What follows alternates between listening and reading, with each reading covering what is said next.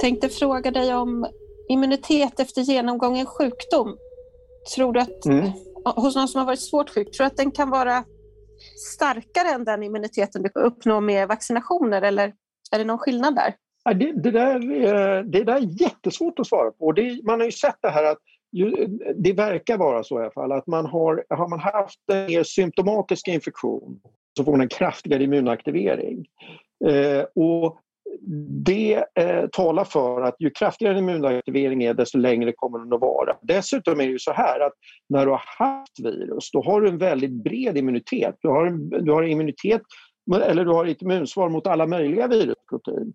När du har vaccinet då har du faktiskt bara immunsvar mot ett enda vaccin eller får de här avdödade helvirusvaccinen har du immunsvar mot kanske tre olika mm, eh, proteiner men de är, sannolikt är det då bra att ha den här immuniteten från en genomgången infektion. Men det att säga vad som är bäst, det är jättesvårt att säga. Men där kan man säga så här att när man vaccinerar då är det nästan så att de flesta får ganska liknande immunförsvar.